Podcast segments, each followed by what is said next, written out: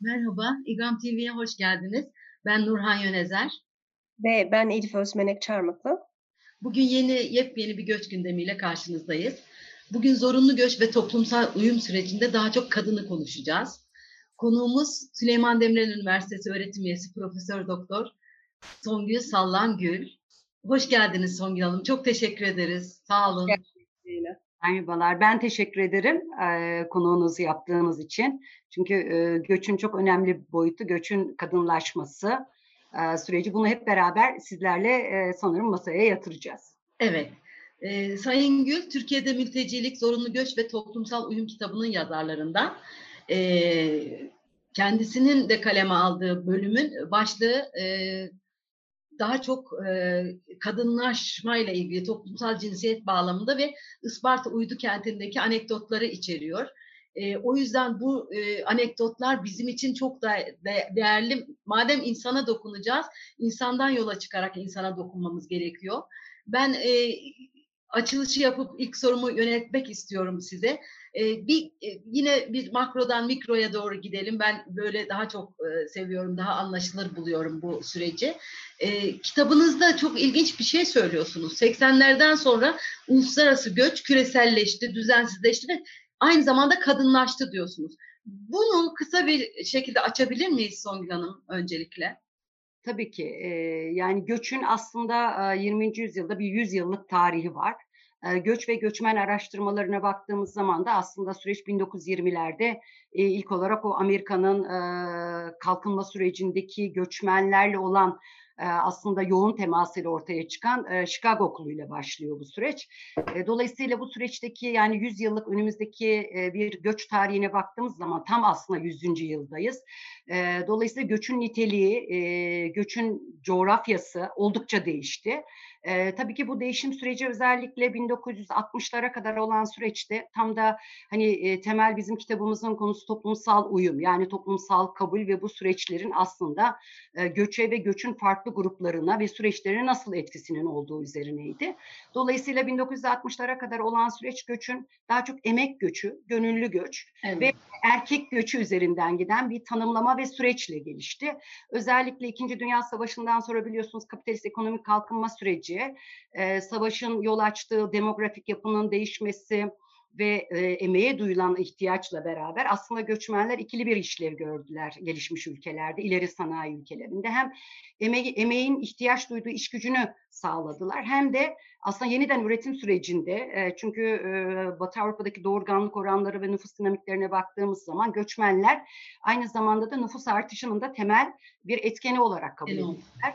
E, o nedenle de göçmenleri hep e, baktığımız zaman bir dayanışma grubu olarak tanımladı e, göç literatürü. Hem erkeklerin ağırlıklı olarak geldiği, kadınların ise bu süreç içerisinde aslında tali rol oldu, oynadığı. Dolayısıyla da bir özne olmaktan çok erkek emeğinin destekleyicisi ve süreçteki bir öge olarak ele alındı. Ta ki 1970'lerde özellikle Hani Türkiye'nin de biliyorsunuz 1961'de ilk e, Almanya'ya e, göçmen işçi yollama süreci evet. aslında 70'lere gelindiğinde e, karşımıza aile bileşimlerini e, yarattı. Dolayısıyla aile bilişimleri e, ülkeler arasında Türkiye için emek veren bir göç sürecinde aslında bu erkek göçünün aile bileşim dinamiklerinin sorgulanması bizim açımızdan önemliydi ama Batı Avrupa açısından ise baktığımız zaman bu emek göçünün getirdiği en önemli şey kültürler arası uyumun aslında ekonomik uyumun, ekonomik sürecin karşılıklı olarak birbirini beslediği varsayılan ama vatandaşlık hakları bakımından ise kültürel hakların ikincileştiği bir dönem.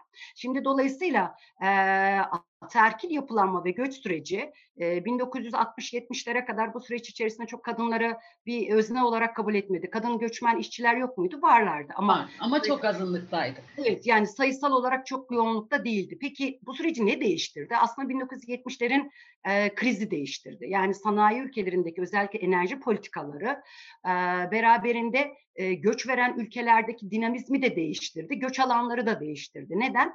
E, çünkü var olan iş gücünün kendi yerel iş gücüyle olan e, etkileşim süreçleri ve özellikle de göçmen işçilerin hani Almanya ile ilgili çok e, temel bir şey söylenir. Denir ki biz işçi istedik, onlar insan olarak geldiler şimdi. Dolayısıyla e, özellikle kuşakların, birinci, ikinci kuşakların e, göç ettikleri ülkelerdeki o ülkenin yurttaş olma talepleri ve süreçleri aslında göçün politikalarını da değiştirdi.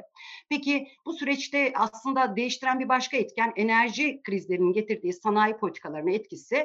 Beraberinde bunun aşılmasında sosyal devletin, refah devletinin e, küçültülmesine yönelik bir politika alanını e, geliştirmeye başladı. Bu ne demek? Bunun e, emek politikalarına yansıması, bir taraftan göçmenlere yönelik sosyal hak alanlarının kısıtlanması, zaten ekonomik haklar alanıyla bu süreç e, gerçekleşiyordu ama sosyal haklar alanında kültürel boyut biraz temel problematik alanda.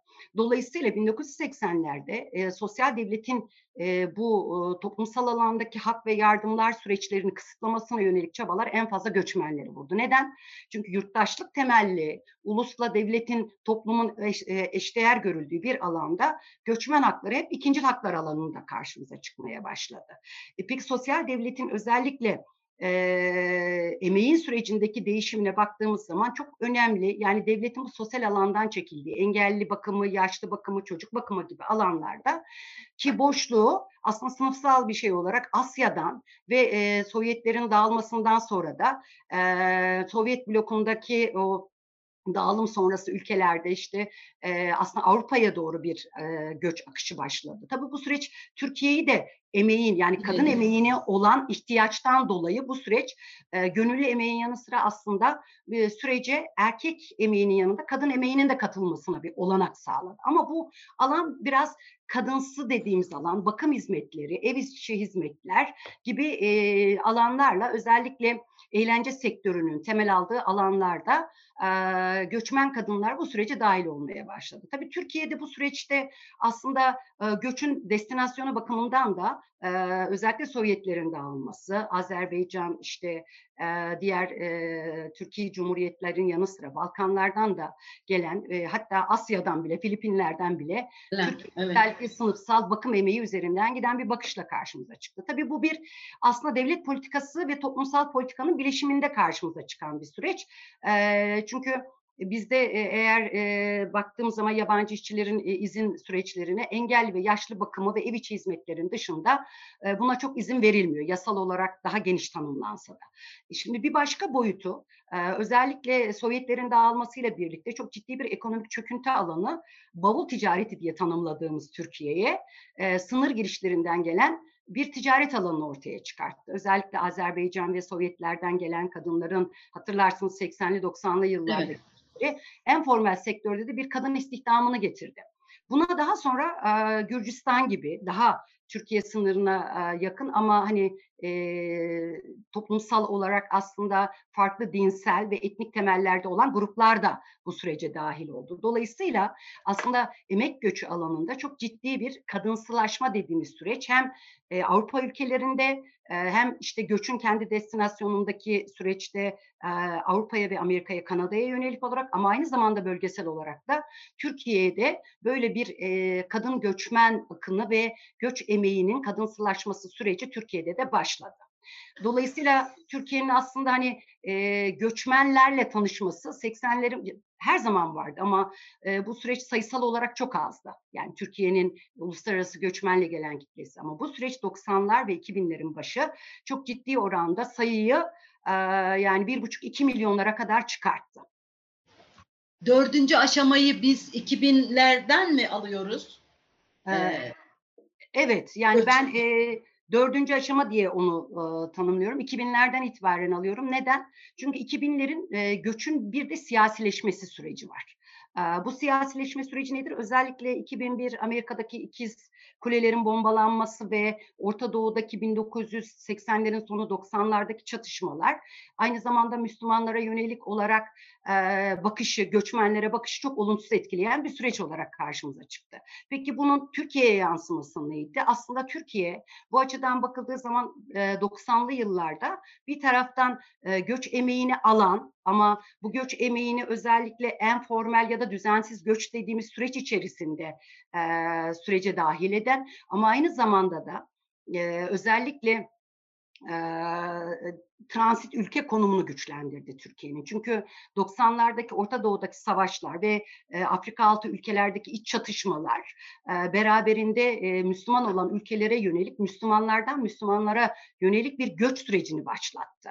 E, o yüzden bu göç sürecinde tabii ki bizim sınır bölgelerimizden olan ülkelerden ciddi bir göç geldi ama ta Somali'den, Nijerya'dan, Afrika ülkelerinden, oradaki çatışmalar üzerinden Orta Doğu'ya giden, Orta Doğu üzerinden de sınırdan Türkiye'ye geçen çok ciddi bir göç akımıyla karşılaştı Türkiye. O yüzden hani Türkiye'nin 90'lar çok önemli düzeyde bir kadın emeği göçüyle karşı karşıya yol, e, kalmasına yol açtı ama Türkiye'nin kitlesel anlamda göç süreci 2011 Suriye kriziyle başladı.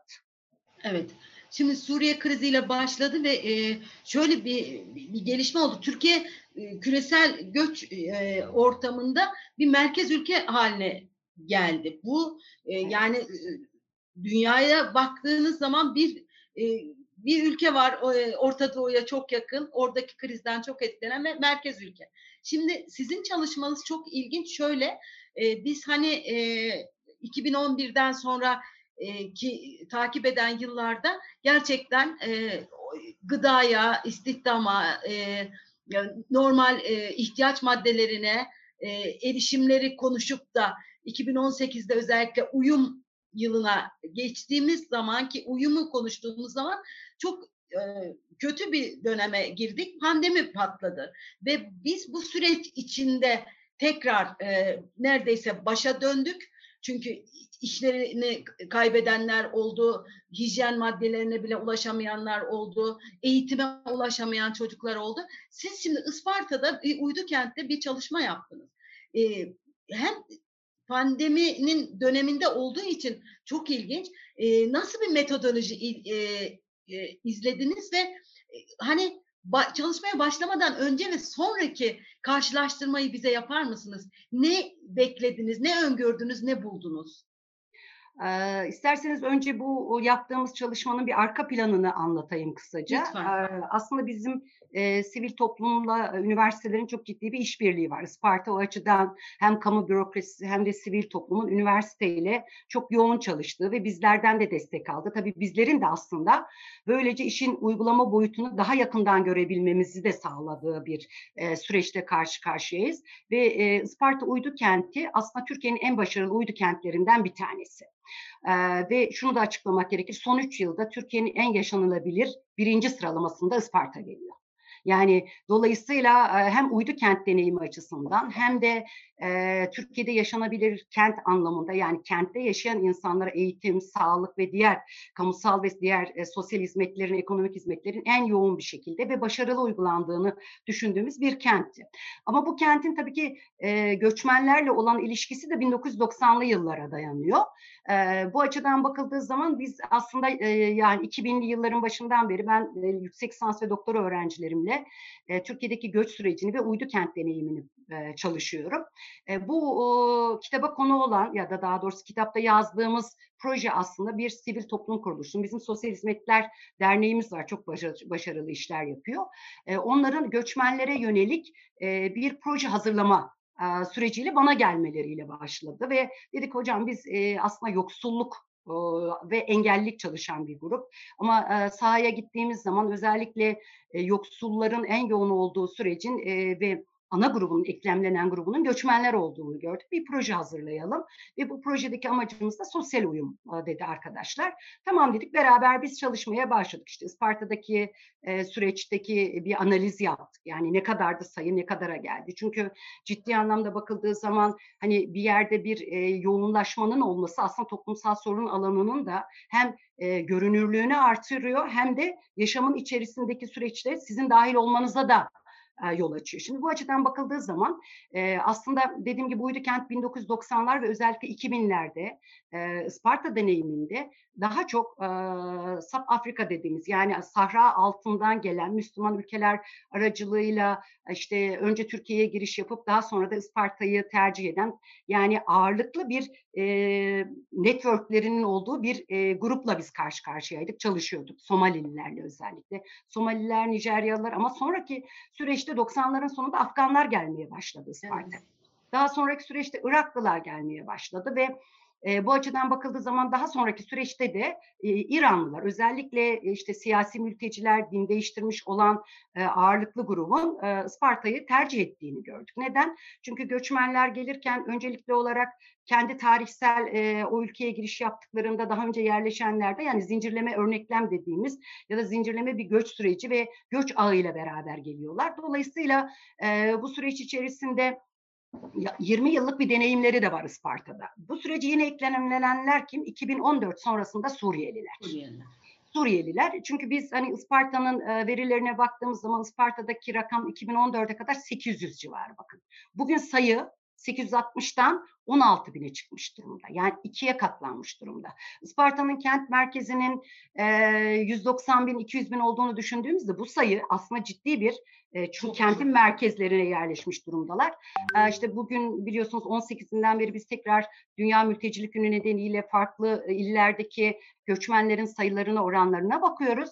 Yani İstanbul'daki oran e, tüm nüfusa baktığınız zaman yüzde e, sekiz onlara ulaşmış durumda ama Isparta merkezi bakımından da inanın gözle görünür bir göçmen, mülteci e, sürecini biz görüyoruz. Dolayısıyla e, sivil toplum kuruluşundan böyle bir teklif geldiği zaman biz bir inceleme yaptık. Gerçekten de sayı düşündüğümüzden çok çok daha fazlaydı. Biz hep daha önceki araştırmalarımızda işte Somalililer, Afganlar üzerindeki süreci araştırıyorduk ama bu sürece eklenen yani 16 bin, 5 bin 400'ü Suriyelilerden oluşuyor.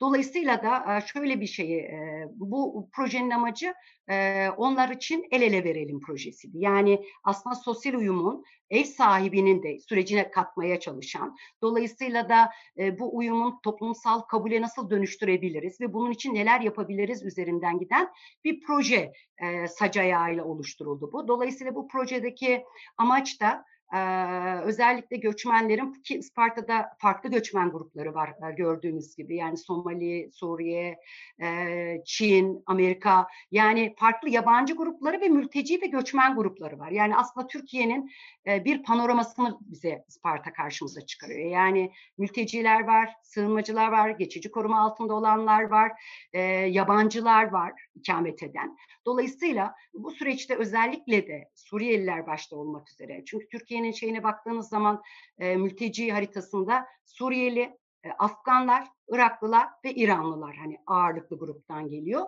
ve daha sonra da Somali ve diğer gruplar bunu izliyor. Şimdi bu açıdan bakıldığı zaman e, Sparta'nın e, gerçekten de mültecilerin yerleştikleri yerler e, İranlılar haricinde kısmen İranlılar siyasi mülteci olanların sınıfsal bir yapısı söz konusu ama diğer gruplar e, çok yoğun bir yoksulluk içerisinde özellikle de Isparta'nın kentsel dönüşümünün ağırlıklı olan dolayısıyla terk edilmiş ya da konut stoğunun artık çöküntü alanına gelmiş olan yerlerinde yaşıyorlar mülteciler. Ve çok ciddi anlamda hani neden hijyenle başlıyor bu süreç? Aslında yoksulluğun getirdiği e, o bilgilendirme, ya da bilinçsizlik ya da yaşam içerisindeki yoksunluklardan da kaynaklanan bir dizi e, karmaşık bir süreçle e, mültecilik halleri yaşanıyor. Yani çok travmatik bir yaşam var. Dolayısıyla bu yaşam içerisinde e, toplumsal uyumun hani o bilgilendirme dediğimiz eğitim, sağlık, e, sosyal yardımlar ve toplumsal uyumun bütün bunların bileşkesi olarak ortaya çıktığı bir alanda e, mülteciler için neler yapabiliriz? Şeyiyle çıktık ve bunun çok önemli bir kısmı farklı mülteci gruplarına yönelik faaliyetler alanlarını bu projede oluşturduk. Dolayısıyla İzmir Birleşmiş Milletler'in İzmir ofisine çok teşekkür ediyorum. Gerçekten de çok ciddi düzeyde bize destek oldular. Hem sadece bu finansal destek değil, aynı zamanda bizim için önemli olan süreç şuydu. Biz bu araştırmayı e, dedik akademik olarak da bu araştırmanın sürecine girelim. Çünkü belediye çok destek verdi. Valiliğimiz bu konuya gerçekten el attı. Yani aslında tam bir e, yönetim, iyi yönetim modelini oluşturdu Isparta. Şimdi o açıdan bakıldığı zaman e, bu işin bir kısmında e, özellikle kadınlara yönelik terzilik kursları düzenlendi. Yerini belediye verdi. Halk e, eğitim hocalarını verdi. E, projede e, de biz ne yaptık? Biz projede de kadınların e, toplumsal alanı alana katılımında ve birbirleriyle ve yerli halkla etkileşimi nasıl sağlarız üzerinde e, çalışmalarımızı yoğunlaştırdık.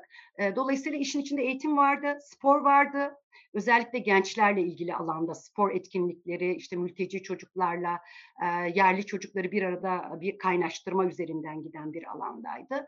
E, yine e, hijyen eğitimleri hatta e, kadınlara yönelik sohbet e, süreçlerini biz başlattık ve e, akademik olarak da biz de dedik ki bu işin hane ziyaretlerini yapalım ve kadınların göçmenlik hallerini, mültecilik hallerini araştıralım dedik.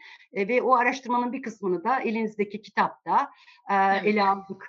Ve hani şunu söyleyeyim, bu bizim için çok e, özel bir deneyimdi. E, çünkü kadınlık ve göçmenlik düzeyinin aslında nasıl bir kültürler arasılık sürecini ve toplumsal e, kabulün ilişkilerini sorgulatmamız açısından da e, düşündürücü oldu. Peki şimdi baktığımız zaman ana ülkeler olarak soyabileceğimiz İran, Irak, Afganistan ve Suriye'nin ortak paydası yoksulluk baktığımız zaman ana ortak payda yoksulluk. Kadınlar açısından baktığımızda ortak payda nedir Isparta örneğinde sizin rastladığınız? Yani yoksullukla beraber nedir? Eğitimsizlik mi? İş gücüne katılamamak mı? Kültürel olarak geri planda kalmak mı? Nedir değerlendirmeleriniz? Yoksulluk aslında bir dizi yoksulluk alanını getiriyor. Bütün o saydığınız alanlar içerisinde. Ee, şimdi tabii ki e, zorunlu göçün çok önemli bir altını çizmemiz gereken nokta var. İnsanların yerinden yurdundan edilmesi. Yani kendi iradeleri dışında yaşadıkları e, ülkelerini, yaşadıkları insanları, e, sahip olduklarını geride bırakması demek. Şimdi bu kadınlar açısından e, erkeklerden daha farklı bir e, süreci kadınların yaşamasına neden oluyor. Nedir? Çünkü bu ülkelerdeki saydığımız ülkelerdeki e, kadın profili ağırlıklı olarak eğitim düzeyi düşük bir kadın grubunu oluşturuyor. Çünkü toplumsal cinsiyet rolleri e, geleneksel e, Orta Doğu Müslümanlık anlayışı içerisinde katı bir ataerkil disiplin içerisinde e, cinsiyetçi ve gelenekçi rollerin öğretilmesiyle elde edilen bir kadınlık deneyimi. Şimdi dolayısıyla e, geleneksel cinsiyet rollerinin kabulü kadınlarda bir toplumsallaşmanın, bir kendi rolünü kabul etmenin ve ataerkil pazarlığın ürünü diyoruz biz. Yani aslında bu rolleri kabul ederek kadınlar kendilerine toplumda bir yer ve evlilik yoluyla da bir toplumsal statü elde ediyorlar. Ama bu toplumsal statünün bedelinde karşılığında neler veriyorlar? Bunun sorgulandığı yer Türkiye oluyor. Yani esas ilginç olan nokta buydu. Yani Afganlı kadınlarda, Iraklı kadınlarda ve İranlı kadınlar yani kendi ülke deneyiminin dışında başka bir ülkenin kadınlık deneyimlerini gördüğü zaman esas sorgulamaya o zaman başlıyorlar. Bunu değiştirme dinamikleri ellerinde oluyor mu her zaman? Hayır olmuyor ama benim açımdan hani Türkiye sorgulamasında açıkçası iki nokta çok önemliydi. Bunlardan bir tanesi hani Türkiye'nin bu göç politikalarındaki belirleyici ögelerden bir tanesi etnokültürel kimlik diyoruz biz. Yani hani Türk soylu ya da Müslüman olmanın getirdiği aslında bunun toplumsal uyumu kolaylaştıracağı yönündeki bir ön varsayımdan e, hareket ediyoruz. Şimdi bu açıdan bakıldığı zaman e, Isparta'daki kadın grubu, Isparta nasıl bir kent? Orta ölçekli bir kent. E, dolayısıyla da muhafazakar ağırlıklı olarak tanımlanan bir kent. Ve biz daha önceki mesela çalışmalarımızda da bürokrasinin de yani kamu bürokrasisinin de e, bu anlamda bu görüşü de e, hani kabul ettiğini ve bu anlamda da kolaylaştırıcılık e, ya da sürecin yönetiminde de aslında bazen avantaj haline de getirdiğini gördük. Çünkü e, Isparta'yı tercih eden grupların büyük bir çoğunluğu aslında e, Türkiye'nin Müslüman olması ve daha önceki gelen Isparta'ya Müslüman grupların dinsel örgütlerle teması vasıtasıyla gelmiş olması büyük bir çoğunluğun. Özellikle Suriye'nin sosyal ağ sisteminde de biz bunu gördük. E, ama bu şöyle bir şey yol açıyor. Mesela onlara sorduğumuzda sizin Müslümanlığınızla Türkiye Müslümanlığını karşılaştırdığımda hani nasıl bir e, süreci siz düşündünüz, yaşadınız? Yani bir varsayımınız neydi buraya gelirken? Öngörünüz neydi? Buradakini nasıl gördünüz ve siz bu süreci nasıl şimdi değerlendiriyorsunuz? Kadınlar açısından. Ee, mesela farklı tabii ülkelerin farklı deneyimleri var. Burada kadınların sınıfsal e, kökenleri de çok belirleyici. Ama genel olarak Ee, özellikle Suriyeli ve Afgan kadınlar. Onlar çünkü daha fanatik bir Müslümanlık anlayışının olduğu yerlerden, bölgelerden, savaştan kaçarak geliyorlar ve e, okuduysanız işte bölümde özellikle biz güvenlik ve özgürlük arayışındayız. Evet. Diyorlar. Yani bir çünkü yaşamınızın ne olacağı, yarınızı çıkarıp çıkarmayacağınız o savaş ve zulüm ortamında bilemiyorsunuz. Dolayısıyla Türkiye ve Isparta onlar için bir özgürlük arayışı. Yani göç güzergahındaki ana atfettikleri şey bu. Ama mesela Türkiye Müslümanlığına ilişkin özellikle Suriyeli kadınların ve e, Iraklı kadınların bir şüphesi var. Laik olan ülkede Müslümanlık yoktur. Yani e, çünkü e, tekil ve fanatik bir Müslümanlık anlayışının e, içerisinde yetişen kadınlar için e, Türkiye'deki Müslümanlık, laiklik Müslümanlık dışı diye tanımlanıyor. Şimdi ama kendileri dinsel örgütler aracılığıyla gelip e, öncelikle tabii ki bu mahallelere yerleşiyorlar ama yoksulların en önemli yaşam stratejisi daha ucuz konut arayışıdır. Sonuçta gelip yerleşiyorlar ama daha ucuz konut bulduğu zaman o konut alanına ve mahallelere taşınıyorlar. Neden? Çünkü geçinebilmek için zaten ellerinde olmayan geliri getirmek zorunda aileler ve kadınlar. Şimdi bu açıdan bakıldığı zaman farklı inanç grupları içerisinde kadınlarla da komşuluk ilişkileri kuruyorlar ve bir tanesi şunu söylemişti ya işte ben yani Türkleri Müslüman olarak görmüyordum ama buraya geldikten sonra bunlar da Türkler de e, inançlar ama farklı bir anlayışları var. Yani inancın kültürel farklılığını görme olanağını bulmuş bu kadınlar. İkinci nokta kadınlık deneyimleriyle ilgiliydi. Çünkü geleneksel cinsiyet rolleri e, hem Irak'ta hem Afganistan'da hem de İran'da da yani sınıfsallık gözetmeksizin diyeyim eğitimde hatta e, eğitim sürecinin hani daha nitelikli eğitimlerinin bir gruba ayırıyorum. Özellikle İranlılarda hakikaten eğitime e, çok önem veriliyor. En azından Türkiye'ye gelen gruplar, Sparta'da yaşayan gruplar daha eğitimli gruplar. Ama diğer gruplar e, eğitim hayatlarına e, ya hiç başlayamıyorlar ya bu eğitim hayatlarına e, özellikle ergenlik döneminde genç kız olmaya başlayıp vücutları görünür olduğunda kesilip dinsel eğitime yönlendiriliyorlar. E, dolayısıyla da erken evlilik bu sürecin doğal olarak bir parçası olarak karşılarına çıkıyor ve e, çok eşlilik. Yani toplumsal olarak kadınlık deneyiminin ayrılmaz bir parçası. Bir başkası e, kayınvalideyle birlikte yaşama. Yani geleneksel aile modelinin, o birleşik sosyolojik anlamdaki aile modelinin e, belirli bir süre e, kadınların ilk evlilik yıllarında e, öğrenildiği bir şey. Tabii bu ataerkil hiyerarşik yapıyı da kadınların kabul etmesine ve yaşamasına neden oluyor. Dolayısıyla bu rolü benimseyen e, ve çocuk doğuran kadınlar ki bu da bir başka özelliği getiriyor. Çok çocukluluk bu ailelerde özellikle Afgan ailelerinde Çok.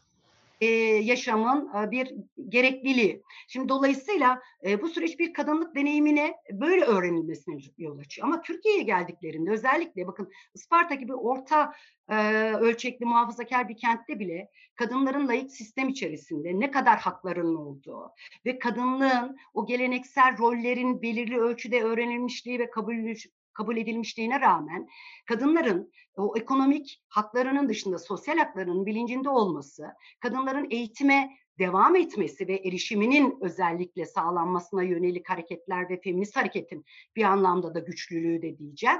Ee, onun altını da çizmemiz gerekiyor. Çünkü Türkiye'de ciddi anlamda e, bir e, kadın hareketi var. Bu kadın hareketi çok farklı kaynaklardan besleniyor, farklı gruplardan besleniyor ama kadınların var olan haklarına yönelik e, müdahalelere de itiraz etme gücüne de sahip bu kadın hareketi. Şimdi bu sıradan kadınları da aslında çok ciddi anlamda kadınlık deneyimlerinde dönüştürmelerine yol açıyor.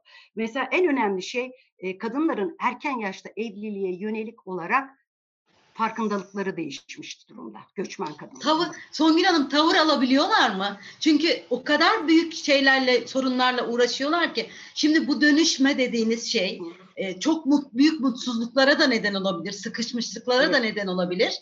E, ben yani bir ark bulabiliyorlar mı? Bir çözüm yolu bulabiliyorlar mı? Bu dönüşüm hayata geçen bir dönüşüm mü? Yoksa o sıkışmışlık içinde belki aile içi şiddeti bile körükleyen bir hale mi geliyor acaba? Ee, aslında süremiz, süremiz bitiyor. Ben de ben de şunu sormak istiyorum hocam. Ee, ben de şunu merak ediyorum.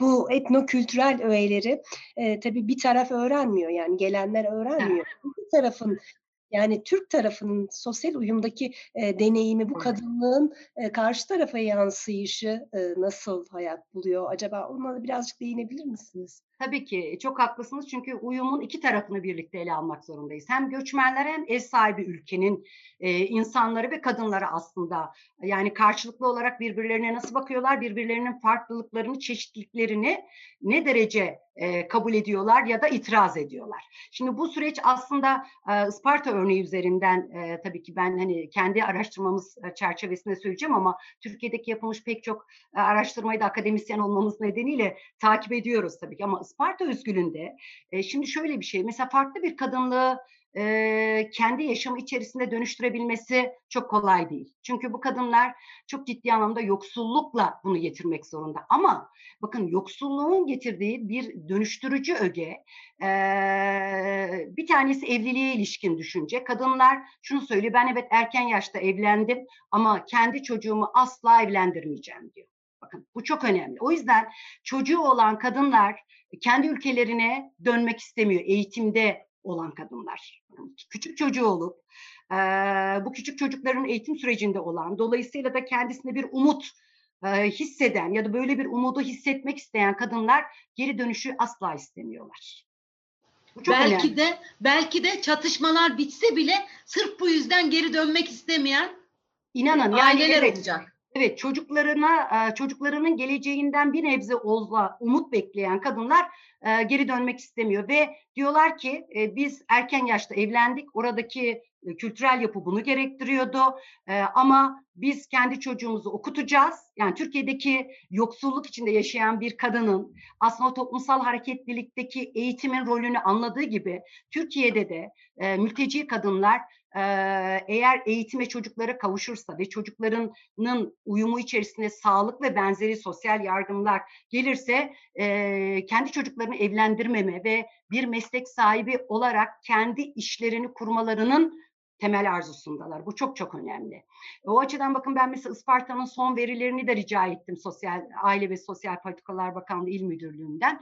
E, ve e, bu anlamda 2018'de biliyorsunuz 2018-23 İçişleri Bakanlığı'nın bir sosyal uyum e, programı ve ulusal planı oluşturuldu. Şimdi bu ulusal plan kapsamında özellikle tabii ki Avrupa Birliği'nin fonları ve bu anlamda da e, aslında Türkiye şunu da gördü. Kısa vadede bir dönüş süreci mümkün değil. Çünkü e, o ülkelerindeki koşullar değişmediği sürece insanlar dönmeyecek ve Türkiye bir transit o ülke olma, bir kaynak ülke olma e, şeyini oluşturmuş durumda bu 9 yıllık, 10 yıllık deneyimde.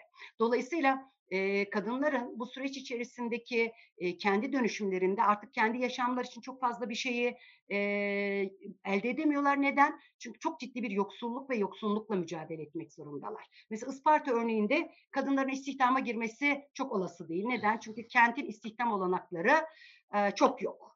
Yani bir İstanbul değil ya da bir e, Denizli değil. Dolayısıyla informal olarak da girebilecekleri bir iş gücü alanı yok. O yüzden de çalışan yani kadının çalışması ya da çalışmasına yönelik bir dönüşümün olabilecek ne yasal ortam var yani teşvik edici ne kurumsal bir süreç var ne de bunu destekleyici bir toplumsal dönüşüm ortamı var. Yani istihdam, istihdama katılma çok önemli bir toplumsal uyum aracı. Ama bu anlamda kadınlar Isparta örneğinde böyle bir olanağa sahip değil. Bu olanağı kullanabilecek olanlar kim? Yüksek öğretime devam eden gençler, ki ben hani biz e, o açıdan farklı grupların temsilini, kadın gruplarının temsili anlamında da hani ziyaretlerinde bunu da özellikle amaçlı örneklem kapsamında e, temel aldık ve bulduk yani. Hem de tercümanımız olan çok tatlı bir Suriyeli kızımız vardı. Ve o e, çalışmayı kendisinin kadınlık deneyimi içerisinde bir kadın olarak var olabilme umudunu arıyor Türkiye'de açıkçası. Ama mesela diğer kadınlar için aynı şey söylenebilir mi? Hayır, eğer özellikle çocuk ve ev bakım sorumlulukları ve olan azı yetirme sorumluluğu olan yoksul kadınlar için o yüzden de biz dedik ki camdan dışarı bakabilmek, özgürlükleri bununla sınırlı. Çünkü o geleneksel ataerkil ilişkiler Türkiye'de de devam ediyor. Eşleri e, evet prekaryalaşıyor ve ucuz emek olarak Isparta piyasasına katılabiliyor ama kadınların katılması hem geleneksel olarak mümkün değil hem geleneksel olarak olsa bile çocukları sayısı fazla. Ve dolayısıyla da bütün o evin düzenini döndürmek, e, geleneksel rolleri içerisindeki bunu yapabilmek çok zor. Ama bakın e, uyumu en e, temel alan özelliklerden bir tanesi sosyal mesafe ve etkileşim süreçleridir. Eğer e, bunda da bir, birinci derece belirleyici olan arkadaşlar komşuluk ilişkileridir. Şimdi bu açıdan hani e, daha geleneksel yapımlı olmuş olması aslında komşuluk ilişkileri anlamında göçmenlerin uyumunu kolaylaştıran bir şey. E, ama göçmenler daha çok o göçmen ağıyla beraber hareket ettikleri için bunun belli bir olumsuz özelliği de var. Çünkü kendi dil açısından özellik engelleyici bir faktör var. Ee, işte etnokültürel dediğimiz özellik, özellik Elif Hanım'ın sorduğu soru bağlamında ele alacak olursak, e, sonuçta e, Türkçeyi konuşabilmeyi e, ve Türkçe olanağına e, erişebilmeyi komşularla kurdukları sınırlı e, ilişkilerle yaşayabiliyorlar e, ve özellikle de Arapça biliyor olmak mesela Iraklı ve işte e, Suriyeli kadınlar için bir avantaj. Kendi küçük grubu içerisinde dil birliği olan ya da dil açısından iletişim kurabilecekleri grupları da tercih ediyorlar. Ama basit komşuluk ilişkileri e, sözel olmayan bu e, verbal olmayan dediğimiz iletişim kanallarıyla başta diyor komşularımızla e, etkileşim içerisindeyken birbirimize el kol hareketleriyle anlatıyorduk ama kelimeleri öğrendikçe kullanmaya başladık. Şimdi bu açıdan bakıldığı zaman Elif Hanım'ın sorusuna geldiğimizde peki Türkler e, mülteciler kadar hevesli mi? Çok hevesli değiller. Çünkü e, neden hevesli değiller? Aslında e, şöyle bir şey, Türkiye bir göç ülkesi. Hem iç göçün çok yoğun olduğu bir ülke hem de uluslararası göçün son 10 yılda gerçekten de tüm Türkiye'ye yayıldığı, dolayısıyla bunun değişim hızında olduğu bir ülke. Şimdi bu açıdan bakıldığı zaman Türkler ya da Türkiye'de yaşayanlar ya da Isparta'da yaşayanlar diyelim farklı bölgelerden farklı gruplardan gelen insanlarla birlikte yaşamı biliyorlar ama kendi dillerini konuşmayan yani burada bakın dil belirleyici bir özellik etnokültürel özelliklerde. Dili bilmediği zaman her iki taraf için de çok acı oluyor. Şimdi dili bilmediği zaman karşıdakinin ne istediğini bilmiyor kendini ifade edebilmiyor. İki taraf için de geçerli. Ama e, o, o etnokültürel ev sahibinin e, birazcık üstünlük duygusu onlar benim dilimi öğrensin, burada yaşıyorlar e, yaklaşımı nedeniyle. Hani e, öznenin kendisi olması gerektiği ama uyanında göçmenin uyması ya da mültecinin uyması gerektiğini düşünüyorlar. O açıdan e, çok fazla bir itirazları yok ama şöyle bir şey, süre uzadıkça dayanışmanın azaldığı görüyor görülüyor yani. İşte ilk geldikleri yıllarda 90'larda işte komşularınızla Türklerle olan ilişkiniz nasıldı dediğimizde işte ilk yıllarımızda işte ya, ya cemaatler aracılığıyla ya da komşular aracılığıyla hani hayırseverlik olsun, yardımseverlik olsun adına ne dersek diyelim.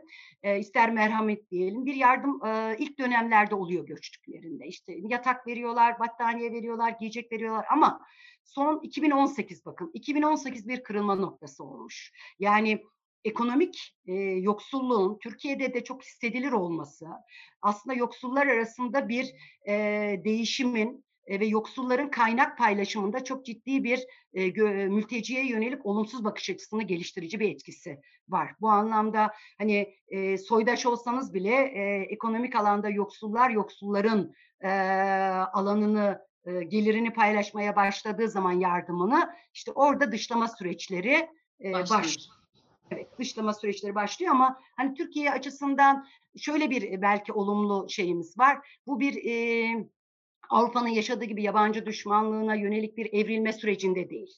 Bir gerginlik var, bir istememezlik hali var ama hani e, zorunlu durumdalar. Dolayısıyla da hani kalsınlar burada himayemizde olsunlar, gözümüzün önünde olsunlar. E işte yardımda yapabiliyorsak yapalım ama Mümkünse de gitsinler anlayışı çok hakim. Yani e, o yüzden hep misafirle başlayan süreç niye gitmiyorlara dönüşmüş durumda Türkiye'de yerli açısından. Bu herhalde e, göçün kaçınılmaz getirilerinden bir tanesi gibi görünüyor. Nereye gitsek, nereye elimizi atsak hani tamam kalsınlar ama bir bir süre sonra da gitsinler. Ne kadar e, katkıları fazla olsa da herhalde böyle bir şey oluyor ne yazık ki. Songül Hocam çok çok teşekkür ediyoruz yayınımıza katıldığınız için. E, ne iyi ettiniz de geldiniz. Gerçekten e, bambaşka bir boyutuyla konuyu tartışmamıza e, yol açtınız. Çok teşekkür ediyoruz. Sağ olun. İGAM adına ve kendi adıma. E, çok teşekkür ediyorum ben. Ben de Çok, çok, teşekkür ederim. ederiz. Songül Hanım çok güzel bir söyleşiydi. Çok çok teşekkür ediyoruz. İleriki yayınlarımızda inşallah tekrar buluşacağız sizlerle. Sağ olun. e, ağzınıza sağlık. Çok teşekkürler. Ben teşekkür ederim Eee, tüm mülteci dostlarımıza ve e, bizi izleyen tüm eee, halkımıza sevgiler, selamlar diyorum. Çok teşekkürler. Sevgili İGAM izleyicileri, e, böylece bir e, göç gündeminin sonuna geldik. Gelecek hafta yeni bir konuyla, yeni bir konukla yeniden karşınızda olacağız. Haftaya pazartesi günü saat 14'te tekrar buluşmak üzere. Hoşçakalın. Hoşçakalın.